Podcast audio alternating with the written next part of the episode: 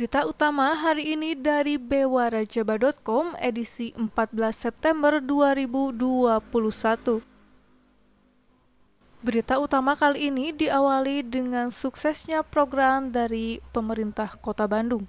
Di masa pandemi ini, program buruan SAE sangat bermanfaat bagi warga. Jauh sebelum pandemi COVID-19 melanda, Odet M. Daniel menyatakan salah satu gagasan yang dibawanya usai dilantik menjadi wali kota Bandung pada 2018 lalu adalah menumbuhkan kemandirian dan pemberdayaan masyarakat kota Bandung dalam membentuk ketahanan pangan. Mengingat 96% pasokan pangan bagi kota Bandung berasal dari luar daerah, Tak pelak ketika terjadi inflasi pun kerap ditimbulkan oleh sejumlah komoditas bahan pangan. Oleh karenanya, di samping menyangkut soal pemenuhan kebutuhan makanan, konsep ketahanan pangan Odet ini memberikan dampak secara perekonomian. Setidaknya bisa mengurangi pengeluaran masyarakat saat membeli bahan makanan. Odet pun mulai merealisasikan dengan menghadirkan program buruan sae yang merupakan singkatan dari sehat, alami, dan ekonomis sebagai pengembangan dari konsep urban farming. Namun buruan saya mengusung konten yang lebih komplit.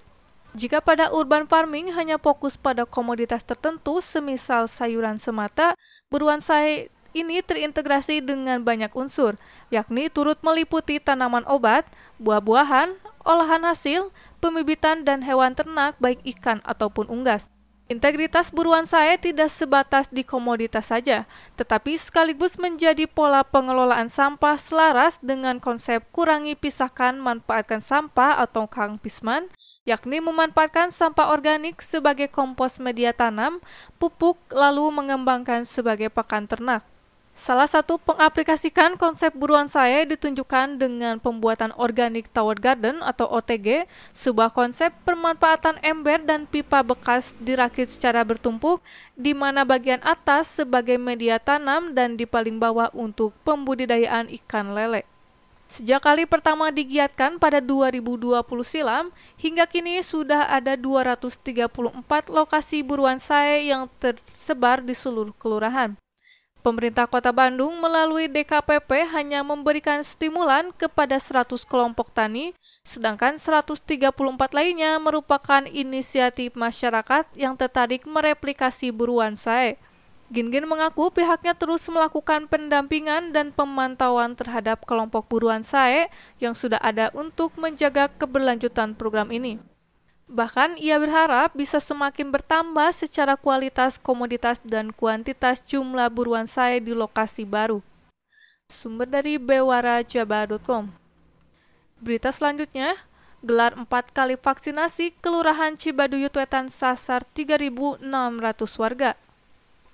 Dalam rangka mempercepat proses pembentukan herd immunity di Kota Bandung, kecamatan dan kelurahan di Kota Bandung turut serta menggelar vaksinasi COVID-19 bagi warganya.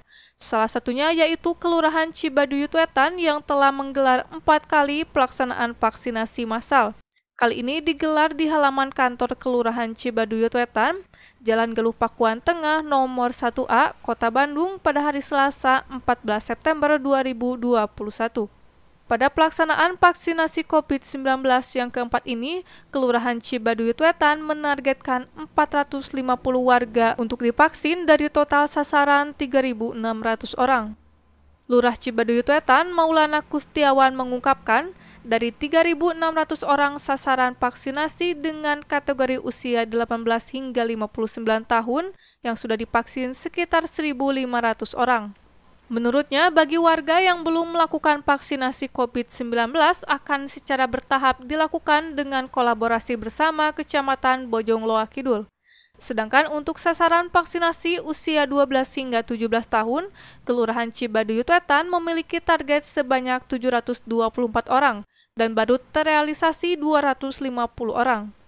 Sementara itu, Wakil Wali Kota Bandung Yana Mulyana yang meninjau pelaksanaan vaksinasi COVID-19 di Cibaduyut Wetan tersebut mengapresiasi proses pelaksanaan vaksin bagi warga Cibaduyut Wetan. Yana berharap kewilayahan dapat terus menggelar vaksinasi COVID-19 untuk warganya sehingga bisa mempercepat proses pembentukan herd immunity di Kota Bandung dalam upaya dan ikhtiar menyelesaikan pandemi COVID-19. Dari target 1,9 juta orang, warga kota Bandung yang telah melakukan vaksin dosis 1 lebih dari 1,4 juta orang atau setara dengan 74 persen. Sedangkan dosis kedua sudah 970 ribu lebih atau 48 persen. Yana pun mengungkapkan, pekan ini kota Bandung akan memperoleh tambahan vaksin Sinovac sebanyak 600 ribu dosis. Vaksin ini akan diprioritaskan untuk usia 12 hingga 17 tahun. Sumber dari bewarajaba.com. Informasi selanjutnya datang dari giwangkara.com. Kamu sering gak menjumpai orang yang cerewet atau bawel? Memang sih adanya orang tersebut bikin suasana jadi rame dan hidup. Tapi kalau udah kelewatan sih suka kesel sendiri, bener nggak? Ternyata cerewet pun ada kelebihan dan kekurangannya baik untuk dirinya sendiri maupun bagi kita yang menghadapi orang tersebut. Berikut ini ciri-ciri orang cerewet. Beberapa dari kita bahkan tidak mampu menghadapi orang cerewet ditulis dalam buku karya Tony Ibrahim berjudul Book of Toxic Relationship. Berikut adalah hal-hal yang umumnya dilakukan oleh orang yang cerewet. Satu, punya suara yang sulit dipadamkan. Menurut Tony, orang bawel memiliki suara yang sulit dipadamkan. Mereka kadang banyak bicara tanpa sadar kondisi. Kalau sudah begitu, mereka dapat menjadi beban bagi Anda yang kurang kuat menghadapinya. Dua, tidak mau diam. Selanjutnya, ciri orang-orang bawel disebut tidak mau diam. Tipe yang satu ini mencoba memaksakan aliran kesadarannya yang mengalir bebas saat ada orang di sekitarnya. Menurut Tony, dia akan menelepon Anda terus-menerus seolah dia melakukan percakapan dengan dirinya sendiri.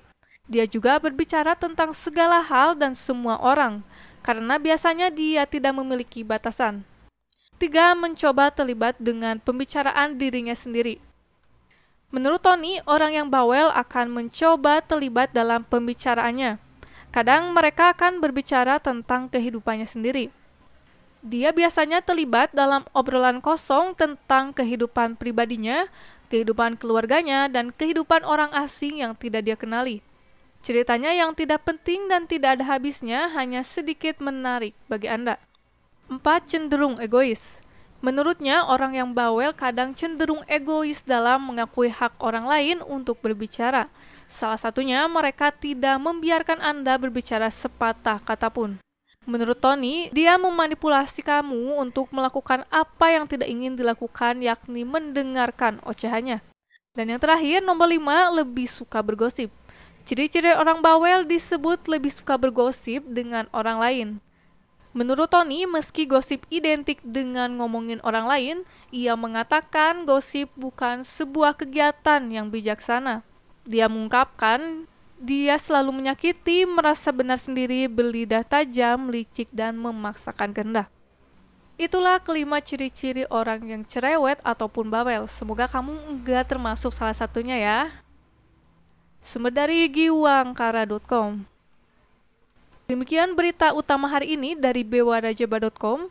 Untuk mengetahui berita-berita terupdate lainnya, silahkan kunjungi situs bewarajaba.com atau giwangkara.com dan koran Giwangkara. Saya Ocha pamit undur diri, jangan lupa jaga kesehatan Anda. Terima kasih dan sampai jumpa.